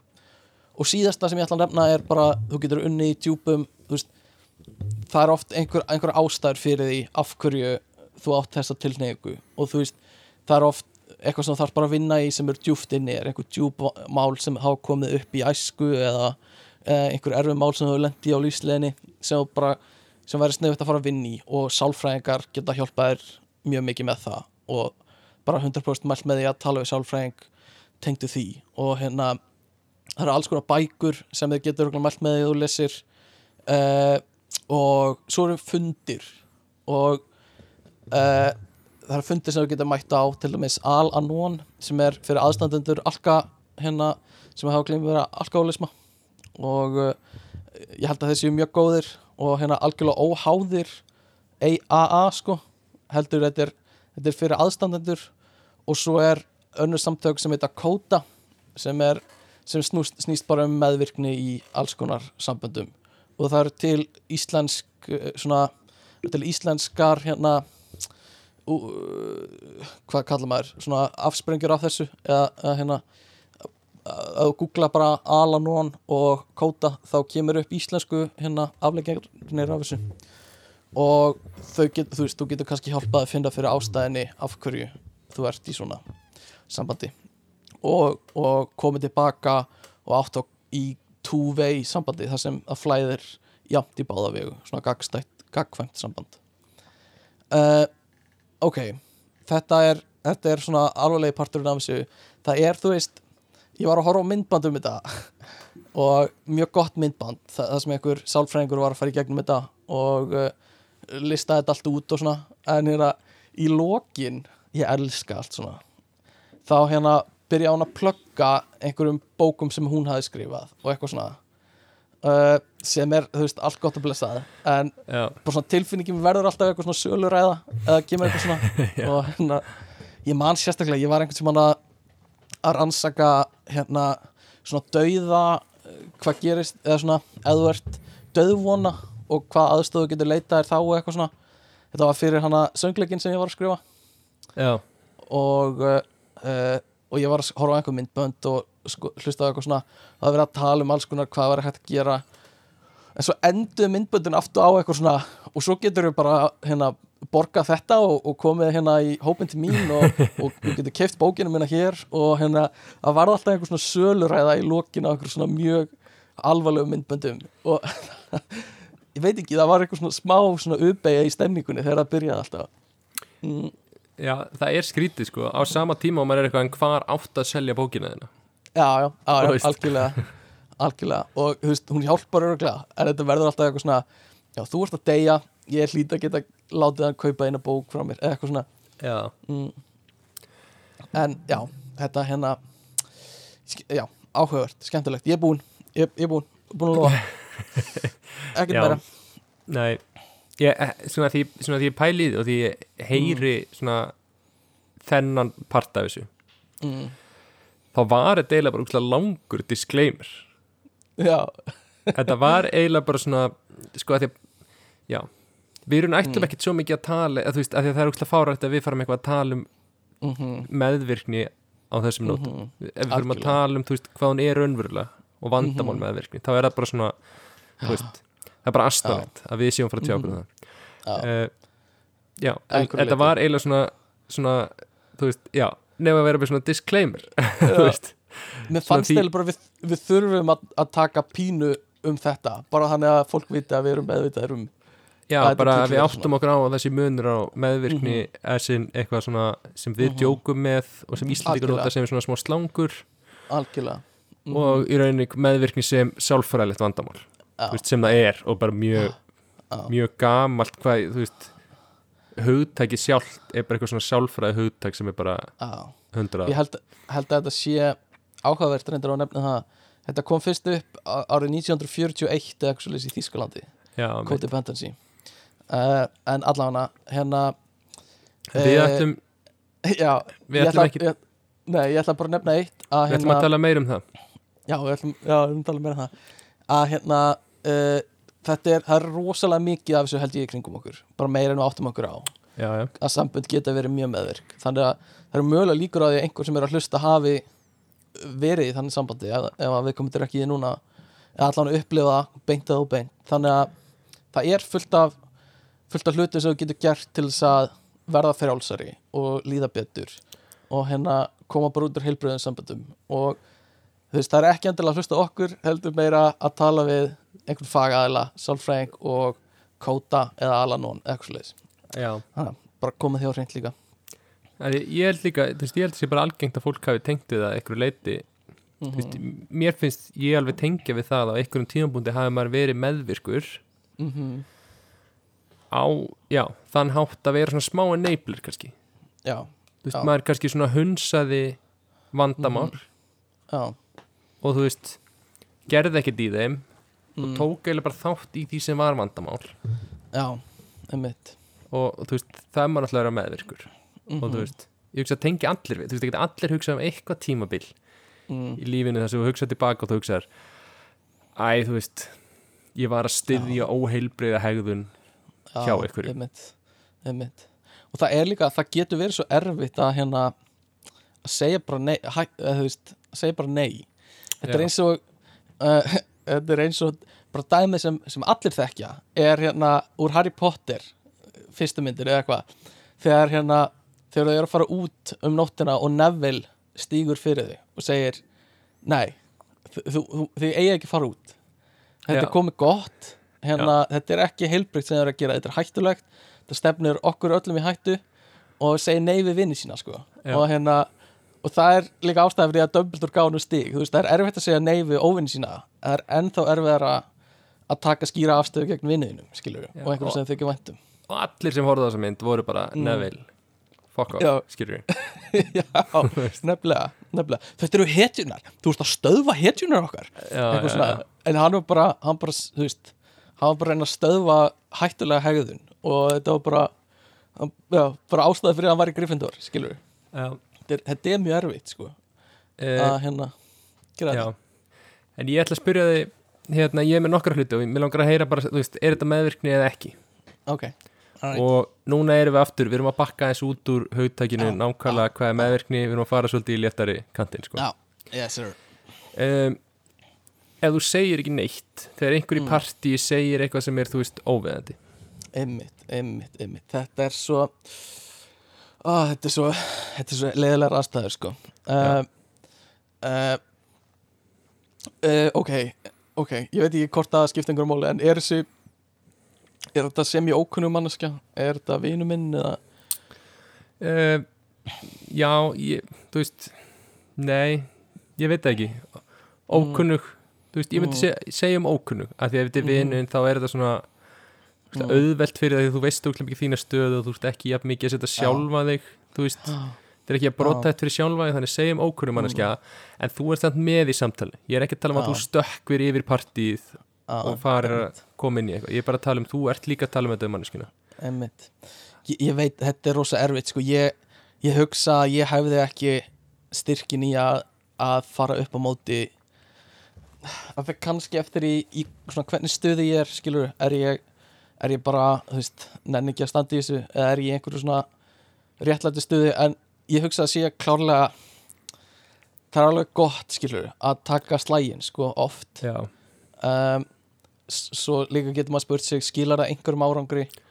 Uh, að einhverju leiti um, m- þetta, þetta er erfiðast já, ég myndi segja að því þú vilt líka þú, þetta er kannski manneskja sem þú vilt að sé vinnuðin já, já en, en svo segir hann eitthvað svona og þú veist, þú veist með einhverja blendnar tilfinningar gagvart henni allt í hennu og þú veist, en þetta er svolítið kristalla meðvirknina þetta er svolítið bara þetta er, Já, já. þetta er, þetta er bara hugtæk, eða þú veist algjörlega sko. akkurat það, Já. þú vilt Já. acceptanceið já, einmitt og þú ert tilbúin að, já, og þú vill líka ekki gera eitthvað sín eða gera eitthvað, eitthvað big deal ég var meðvirkur um daginn fyrir nokkur mánuðum þannig að þegar við vorum að horfa á leikin uh, í nýra á hérna fórum, ég, þú og Yngvi fórum nýra á Östuöll eða eitthvað, að horfa á einhver fótballtaleik og hérna uh, uh, svo fórum við á bar með einhverjum vini Yngva uh, og þú fóst aðeins snemma heim.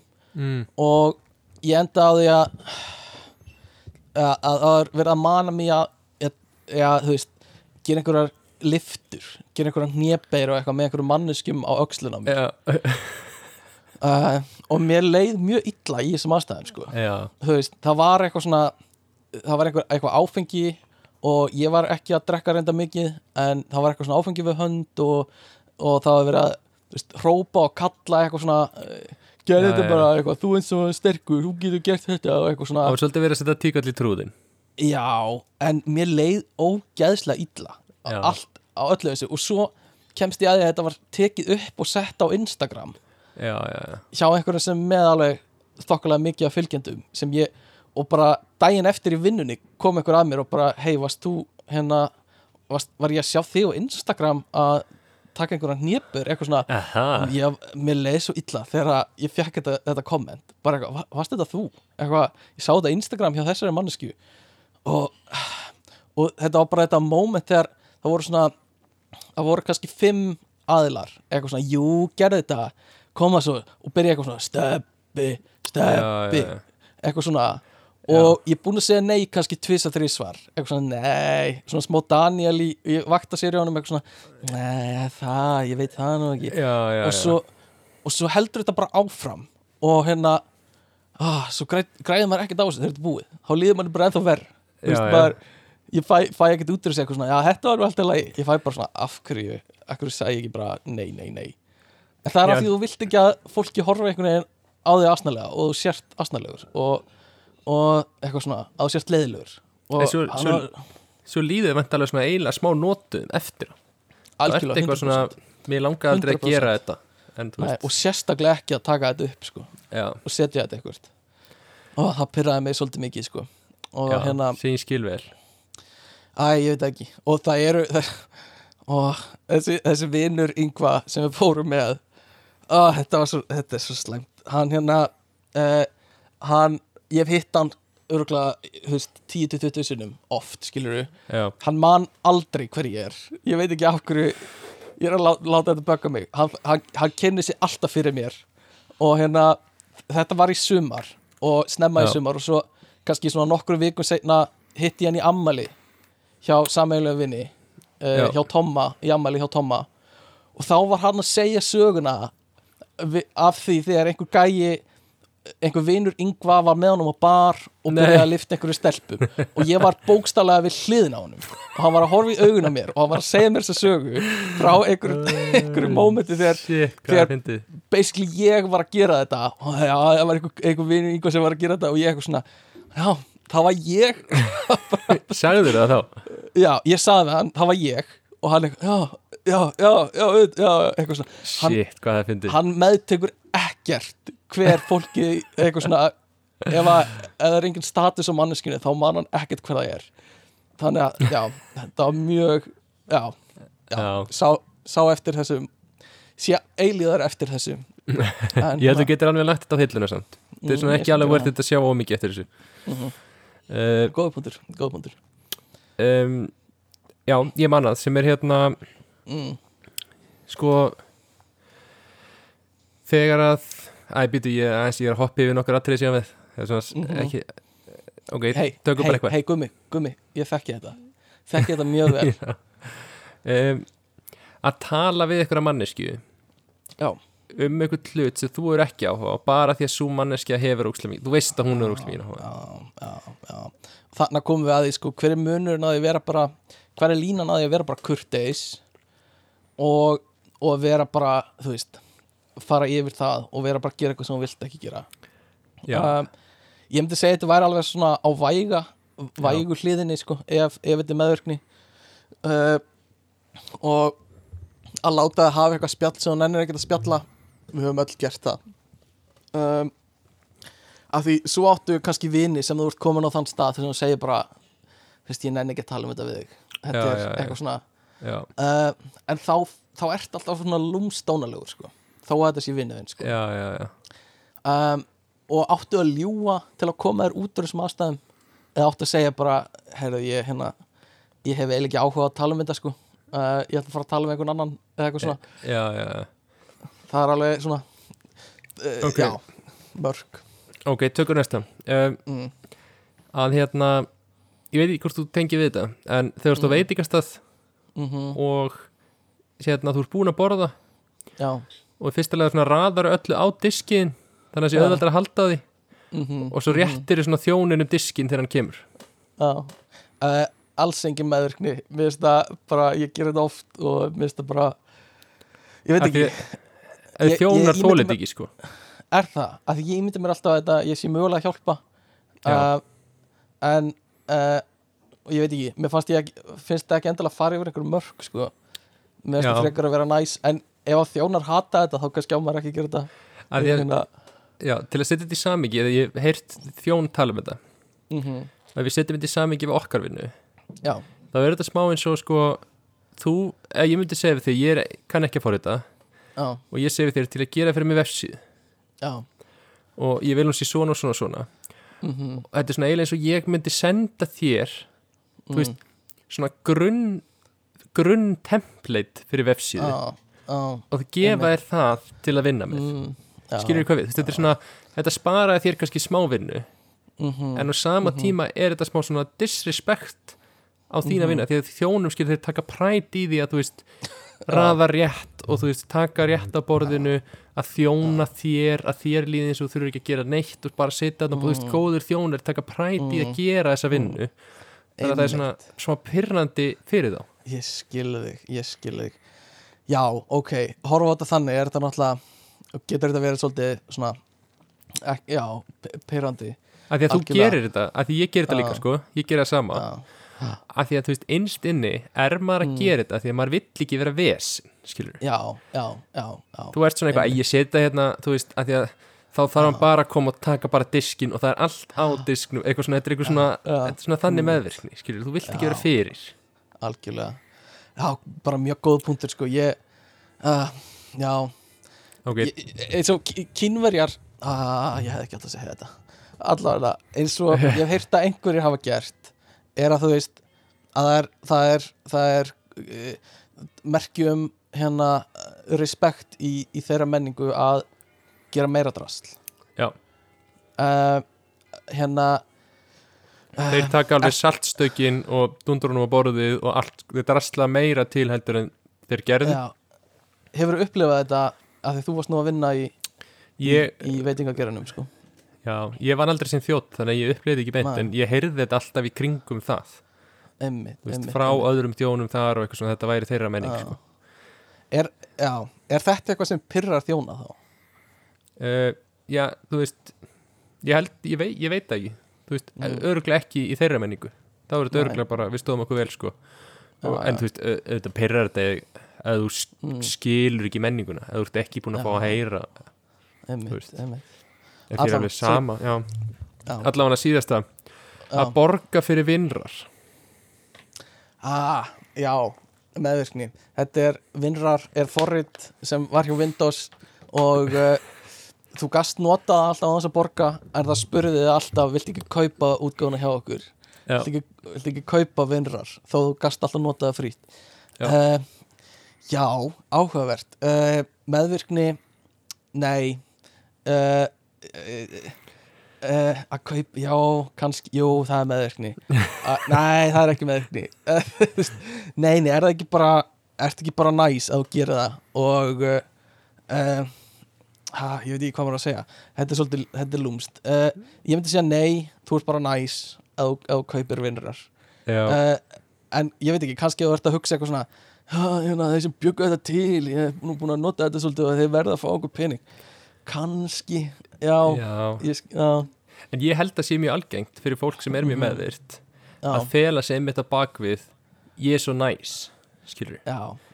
Þetta er svona eins og, þú veist, þessi svona Mhm. þegar fólk er eitthvað "Ö, akkur Mhm. engin næskæin eða akkur er allir Mhm. leðileg við næskæin og eitthvað svona, þú veist, Mhm. þetta er svona klassist á netinu þessi umræða, já, veist, að vera næs er mjög oft að vera svolítið meðvirkur skilur, já, já, það er það ég var, ég var hérna uh, ég fór einu sinni til vina minna og þau voru að drekka eitthvað smá og hérna og ég var ekki að drekka, ég voru bíl og uh, svona þegar kvöldið er að vera búið þá er ég að fara og ætla að skuttla mannesku heim uh, og ég er svona, já ég er bara að fara núna og þá, þú veist þá fer hún og, og önnur vinkona inn á klósett og byrja á einhverju svaka trúnói mm. og uh, og uh, ég er eftir í partíinu. Eh, hérna, hinn einstaklingurinn er farin að gera eitthvað annað. Hann er farin að, að hérna sofa og mögulega svæfa barni sitt. En hérna en, en ég sitt eftir og no joke tók tíman í 45 minnur það er rosalega að býða og ég hérna og hérna vinur minn kom fram og, og, bankaði svona á hörðuna á klósettinu og er þetta ekki að fara að koma? Og Stefán er að býða og það er alveg að koma, það er alveg að koma og svo bara tímiður viðbót og ekkert búið að gerast. Bankar aftur, hérna er ekki fara að komast og ég bara býð endalaust. Og hérna og þú veist, jú, bara að reyna að vera næs. En þú Já. veist en það hljóta að vera einhver mörk þar sem þú segir bara, nei en hérna, já, það var farið við þín mörg það, þú, þú veist, það, það var það pyrraði ekkit svo mikið að þurfa að skuttla fólki heim. Nei, en svo hjælt áfram sko, svo, þú veist þegar ég var byrjar að skuttla heim þá sagði mannskjan sem ég var að skuttla heim hérna, getum við, getum við nokkuð sótt uh, kærasta minn? Hann er henni partí já, og ég eitthvað, jú, jú, þeir eru náttúrulega að fara á sama stað. Ekkert, ekkert mál sko. Sæki, sæki hann, þá koma þrýr vinir hans með honum út. Nei, og þau eru að fara upp í Hafnafjörð og er ekki lægi að þau komi með og við förum upp í Hafnafjörð og, og hérna, þetta er bara eldsnött, ég eitthvað, já, ok. Búin að býða í, þú veist, tæpan klukkutíma kem út, er á nægi er ræðilegt fólki. Já. en allt er góðu og hérna uh, svona, svona kemur bara fyrir. Já. mm, en ertu með eitthvað, ertu með eitthvað algenga hluti sem þú vildi tala um? Já, annað sem við erum búin að nefna. Já, við erum alltaf búin að kofra nokkuð af þessu alkoholisma, ofbeldissambönd uh, ókunnugt fólk að byggja þau um eitthvað. Já, getur verið svolítið svona hérna uh, eitthvað svona býður röð og einhver snýsi við og eitthvað svona hæ, getur nokkuð hérna uh, passa barnið mitt eða eitthvað á meðan ég skýst eitthvað, ég veit ekki hvað já, að segja. og þú vilt ekki segja eitthvað svona, á- ekki sjans. Þannig að þú Já, svona, já, já. já, ég er hérna svo sem alveg til, til, til í það og hérna og svo fer við komið þú þarf að býða einhvern svaka tíma. Eða eitthvað svona, ég held að sé oft erfitt að segja nei við ókunnugt fólk. Þó að oft er það kannski að ætti að vera sjálfsæðara að segja nei við ókunnugt fólk líka oft getur að beðið sko, þú getur að við lendi í því að einhver beðið um Mm. eitthvað sem þér finnst svona fyrir algjörlega skjön við svona þína eigin social behavior Mhm. þú veist, Já. þú, ef þú myndir beðið eitthvað nákvæmlega þá hugsaður, ok, ég drýf mig inn í búðina meðan að passa barnið mitt eða eitthvað, já, já, mhm en svo getur lendið að einhver bara sé ekki þar já, já. algjörlega sko uh, Þannig að, já, svona ókunnugt fólk ég, já, veit ekki. Uh, Það skrifað inn að vaka og röskva. Ég veit ekkert af hverju það skrifað niður á hann lista. Skrifaði þú þetta? já, Ég veit ekki hvort ég hafi skrifað þetta. Nei, Manstu ég skrifaði þetta sko. var? Já, það var eiginlega bara pælingi mín, ég hugsaði bara yfir höfu þessar kostningar í háskólanum. Mm, eru fyrir mér eiginlega bara svona ein stór meðvirkni. Einmitt, einmitt. að ég, ég held Hot í alveg, take. ég, ég væri til já, þú veist, já, já, þetta er það sko. Hot take, baby. En að ég, þú veist, ég fulla trú á fólkinu sem er að bjóða sig fram. Mm. Að það sé alvörinu búið að kynna sér fyrir hvað félag það vill bjóða sig fram og svoleiðis. Já, en ég væri til að vita prósentur hlutfalli af þeim sem kjósa í þessu. Hvað í alvörinu sko hverjir eru búin að kynna sér hlutina mm, mm, og hverjir kusu bara að því að einhver vinur þeirra mm, sagði þeim að gera það vinur vinur þeirra er í frambóði eitthvað, skilur Einmitt, einmitt. Og ég gerði það ekki. Ég bara kaus bara, eh, þú veist, Mhm. þekki einhvern í frambóði eða eitthvað, skilur Einmitt. Já, þetta er líka tengt hérna útringingunum það er fátt, ok, það er eitt sem ég hérna, hef enga þóla með fyrir að vera meðvirku með og það eru annarkort símasölu fólk einhverju sem eru bara Já. að ringja í mig og eru að reyna uh, þú veist, segja mér eitthvað í gegnum síma sem ég þekki ekki eitthvað svona, já, veist uh, tryggingafólk eða segja mér frá einhverju bara ég vil ekki fá ringingu í síman minn. Veist, ég er alveg til að ræða þetta einhvern, einhvern tíma á þörnum vegi eða eitthvað en bara ekki hringi mig. Ég, ég bara þólaði ekki. Og þannig að ég segi yfirleitt bara þú veist, reyni að vera bara ekki dónulegur en segi bara nei, ég, hérna, ég er ekki til að ræða núna. Eða nei, ég hef ekki tíma núna. Já, ég er svo lélur í þessu sko. Ég fell Mm. alveg í þetta. Já, ég Mhm. öllum bara, ef það hringir eitthvað styrtafélag í mig, þá er komin kreditkortfærsla næsta mánuð sko það, já, ymmit, og ymmit ég, ég þóli það ekki sko. Og ég Mhm. þóli ekki þegar ég er að lappin í maturubúð Já, það er líka það eins og að vera að selja björgunarkallin mm þú veist, fínt, kaupa björgunarkallin já björgunarkallin en ymmit ef þú átt ekki mikinn pening Já, já, ég þóli ekki að þurfa að segja nei. Já að því ég þóli ekki að það er konsept skilur þú veist, Já, þetta er ekki sko, Einmitt. þú veist, konsept er ekki ég ætla nú að auðvelda fólki eins og, þú veist, þá myndir hafa bás fyrir utan, ekki Já. við ingangi en þetta er svona, ég ætla, ég ætla, ég ætla að spila inn á samvisku fólks Mhm. og ég ætla, sko, ég ætla að segja við þau horfi auguna og segja við þau viltu styrkja björgunarsveitina? Já, þú veist, þannig að fólk þarna er lítið í sér Mhm. þorir ekki að segja nei af því að þú ert að horfi í auguna um og þú ert að segja nei við því að vilja styrkja ymmit og þess vegna er allir eitthvað nei, ég er búin að kaupa hann þú ég er veist að búinn. vita allir er lígi, skilur Fyrsti söludagur á kallinum. Fyrsta manneskjan að selja. Ég er búinn að kaupa já, já, ok. Uh, já, Björgunarkallin alveg, alveg prímadæmi uh, en gott málefni og líka útringingar oft gott málefni. Uh, en bara þú veist, nenni ekki. Og sérstaklega tryggingasölu fólk, nenni ekki. En svo eru líka þú veist dæmi um eins og þegar eitthvað barn barn, fullorinn einstaklingur býr lengi hjá fóreldur sínum og er kannski mentað já, og hérna spila tölvuleiki allan daginn og vill ekki fá sér vinnu og eitthvað svona. Já, uh, ég er rétt slepp í þessum flokki að hérna, ég er með vinnu sko og er að vinna í, í hérna komast út á hann helvitis fastegnumarkað en, en þú veist að foreldrarnir eru meðvirki gagvart börnunum að, Já, hérna, að, að, að þú veist leifa því að búa svolítið lengi.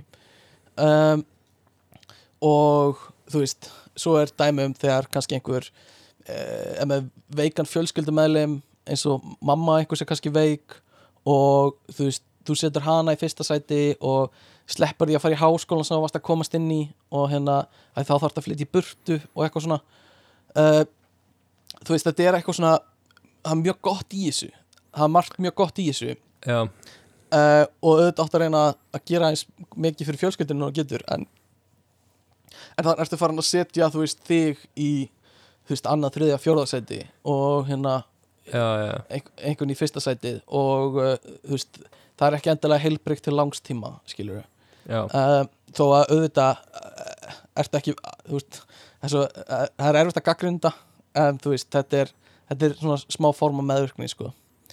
Uh, ég fann líka á bland uh, var einhver að tala um meðvirkni og, uh, og hérna notendanafni Chaos á bland var að tala um þetta og var að tellja upp einhverja þætti sem hérna ekki sjónastætti heldur bara svona uh, þætti sem meðvirkni getur komið út í hérna einhver svona eiginleikar og uh, og það er, mér varst það svolítið áhugavert að meðvirkni sko uh, að treysta ekki almennilega á eigin raunveruleika uh, og ef þú ert komin á þann stað þarf að fá lánaða domgreit annara og ert farin að efast um eigin sannfæringu uh, og uh, já, og tók dæmi um þetta og mér finnst það svolítið áhugavert dæmi.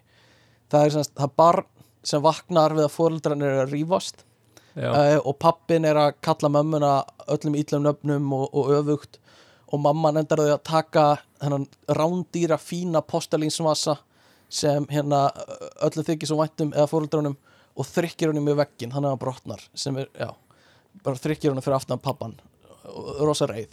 Og barnið sér þetta og fyrir að gráta og segir eitthvað svona af hverju varstu að segja svona ljótt um mömmu pabbi?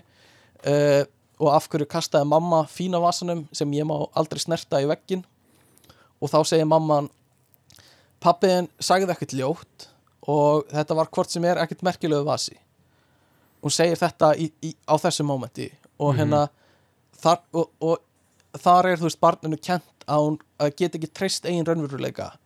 Uh, og, og get, er hægt að fara að geta treyst eigin upplifun og raunveruleikanum að því þú veist það hjælt að þetta væri rosa hérna uh, merkilegu vasi og, og því fannst fóröldurinn að vera að tala mjög ítlaðið hvort annað en mamman segir, vorum ekki að því já. það var ekkert merkilegt við hann að vasa þannig að það er allt í já. henni búin að svona snúa við og þetta getur verið, þú veist partur að því að treysta ekki eigin raunveruleika og vera, þú veist partur að því að vera meðvirk sko. já Þetta er, þetta er svolítið svona heilbreyri hlið á bland heldur þú verið með áður. Mm, mm.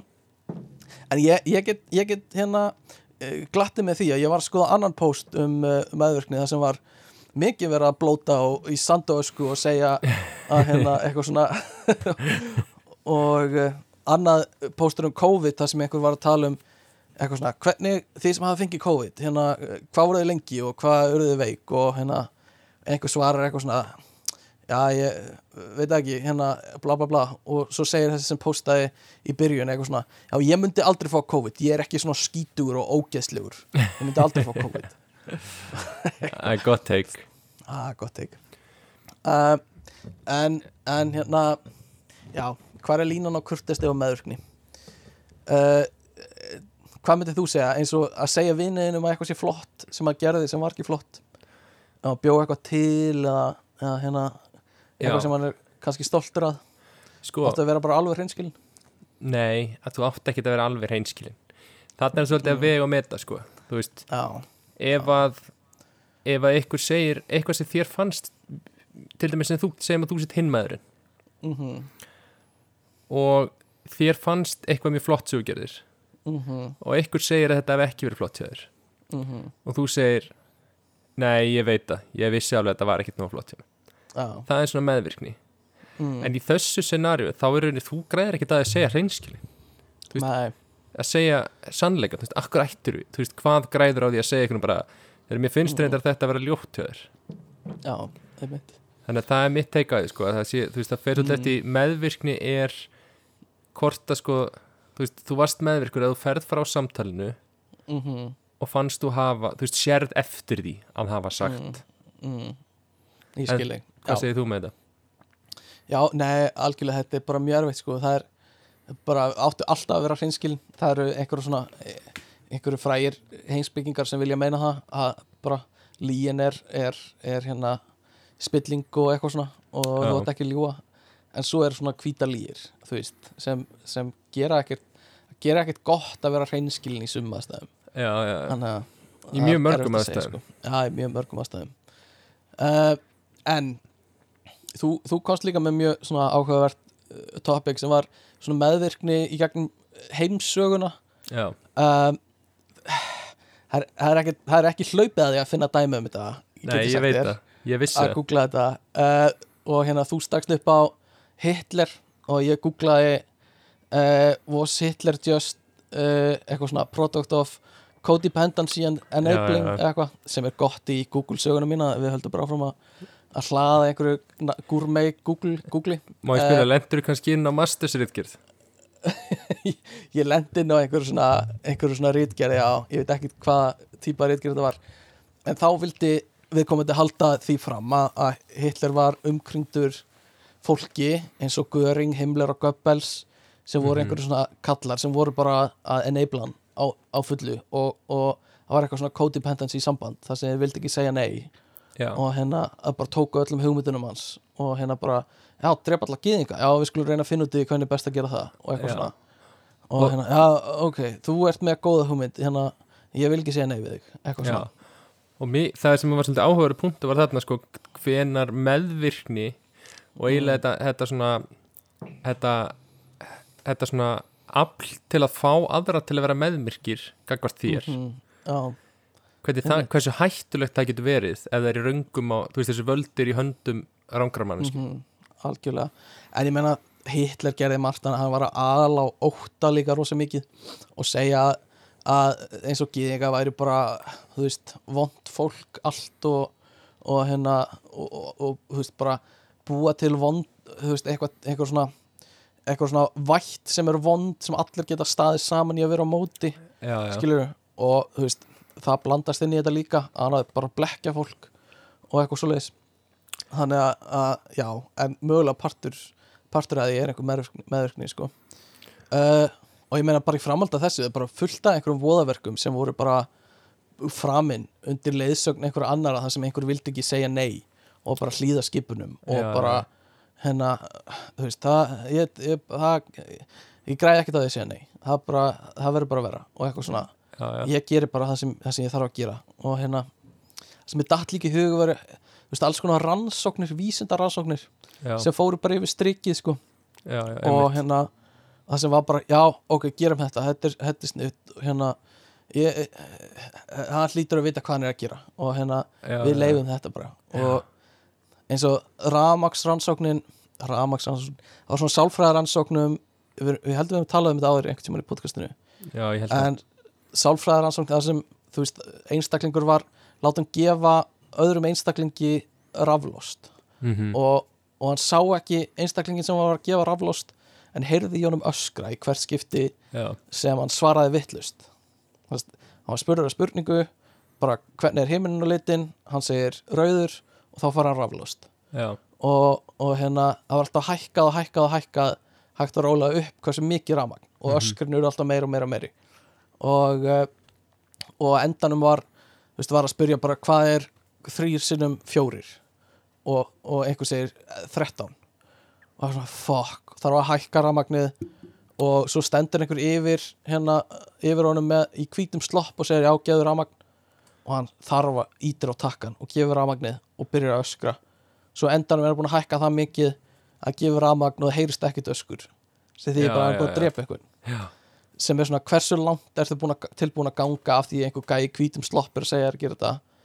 Og eftir þessa rannsókn þá þurfti bara manneskjan að lifa við þann sannleika að hann myndi bara drepa mannesku Já, bara af því að hann sem bara hrikalegt bara hrikalegt að þurfa að lifa við það að þú ert að það vilja allir halda að nei, ég, ég myndi stoppa. Ég hef svo sterkan karakter að ég myndi ekki gera þetta. Já, já, ég myndi áður en að en að læknirinn fer svona langt þá myndi ég segja nei, þetta er, þetta er ósiðfyrirslegt, ég tek ekki þátt í þessu en það kemur bara ljósa fullt af fólki myndi bara gera þetta bara því það er einhver, einhver svona vald hérna, einhver manneski sem er eitthvað völd sem hérna er að segja að ég gera þetta já, því að er Og- líka það er líka sérstaklega þessar rannsóknum það, að það voru náttúrulega ekki sko, það sem áverst að það var enginn sem var að segja þér í rauninni þetta er alveg skadalaust eða þetta er dreipur hann ekkert eða það var, það var enginn Mhm. svona þetta var Mhm. bara hækkaði strömin gefði ström, þú veist þetta var Já. bara þú fjagst ekkit að orðum að þetta væri já, eins og segja, skadlust sko. það var ekki tekið fram sko, en þú samt einhvern veginn veit ekki, kannski gerður þér ráð fyrir því að þið vissi hvað þið voru að gera en þú Já. samt en þú heyrði samt öskrin sem er það sem er brjálaðast sko, í þessu já, já, já, þú emmitt, heyrir í öskrunum einhvers staðar fyrir utan emmitt og svo líka meðvirkni, þú veist eitthvað svona fullt af fólki að sapna saman í byðstofu til að koma í einhverju sálfræðaransókn sem á að vera eitthvað allt annað og uh, það er beðum að býða mm -hmm. og svo kemur alltaf einhver og segir "Ha, þetta er, við erum alveg að fara að byrja, þetta eru 500 viðbót. Já, og það heldur endalust áfram þangað til að einhver bara, bara krakkar. Og bara, bara getur þetta ekki lengur. Og það er svona að vera að rannsaka hversu lengi fólk er tilbúið að býða fyrir eitthvað svona já, og vera já, meðvirt í, í svona aðstæðum sko. Uh, en ég veit ekki, mér datt ekkert mikið annað eitthvað svona í hug nema Nei. bara örgulega fullt af einhverju svona rannsóknum sem hafa verið gerðar já, og uh, og uh, örgulega fullt af stríðum sem hafa verið gert bara út af því að fólk fólk Eh. vildi ekki hérna, vera nevel og segja nei Já, og ég held samt, þú veist, og ég held að svona ástæðan fyrir svona þegar mér, ég fór að hugsa um þetta meðvirkni svona Já. í sögunni þá, þá hugsaði ég að þetta er pottjett ógeðslega oft sem þetta er komið fyrir þú veist, mikið af Mhm. svona sögulegum atbyrðum sem við höfum séð, hafa verið eitthvað svona meðvirkni hjá eitthvað sem tók ákvörðun, þú veist, eitthvað svona Já. þú veist, eitthvað bara Napoleon vildi ekki fara í stríð en mm, það var bara einhver hópur Mhm. sem var bara eitthvað, já, þetta var að fara í stríð og hann bara eitthvað svona, úf, ég þóra ekki að segja ég vil ekki gera það, þú veist, ég þarf að vera Mhm. svona og eitthvað, ég þannig skil ég fer bara í stríð þú veist, ég held að Mhm. Mhm. eitthvað klikkaðir kongar eða keisarar sem fólk gæti ekki sagt nei við og gerði bara það sem þið sögðu og já, eitthvað svona. Sennilega sko. En Eh, allavega til, a, já, til að loka þessu hjá okkur já, þá ætla ég að lesa nokkra hérna, nokkra svona sögur sem ég fann hér hólki svona, sem var svona eiginlega um það þú veist, hversu langt þú fóst já, það, þú veist, bara á því að þú þorður ekki að segja nei. Ok. Og hérna til mér eitt sem sagði um, yfirmæri minn spurði mig hvort ég myndi vilja vinna aukalega á kvöldvakt. Já, svo ég segi já, til í það. Já. svo kvöldvaktinni spurði yfirmæri minn hvort ég væri til í að taka morgunvaktina. Mm, og ég segi já, já, já, ég er til í það. Og, og og svo daginn eftir spurði morgun yfirmærin hvort hann væri til að vinna aukavakt uh, um kvöldið. Og hann bara eitthvað, jú, jú, ok. Þorði aldrei að segja nei. Einmitt. Og hann endar hérna á og þetta var ástæði fyrir ég enda að vinna sem barþjótt í 34 klukkutíma í röð bara því.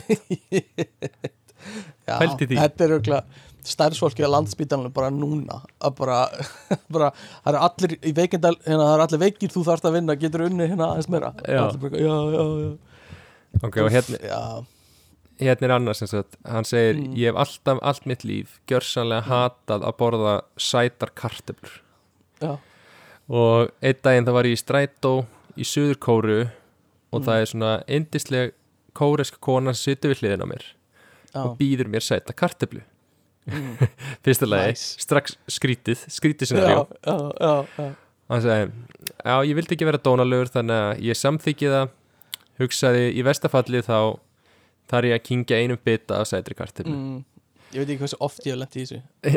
Já. Já, og hann segi, ég er fullorinn ég hata sæta kartöflun, ég get alveg kingt einum bita ég get alveg látið mig hafa já, það.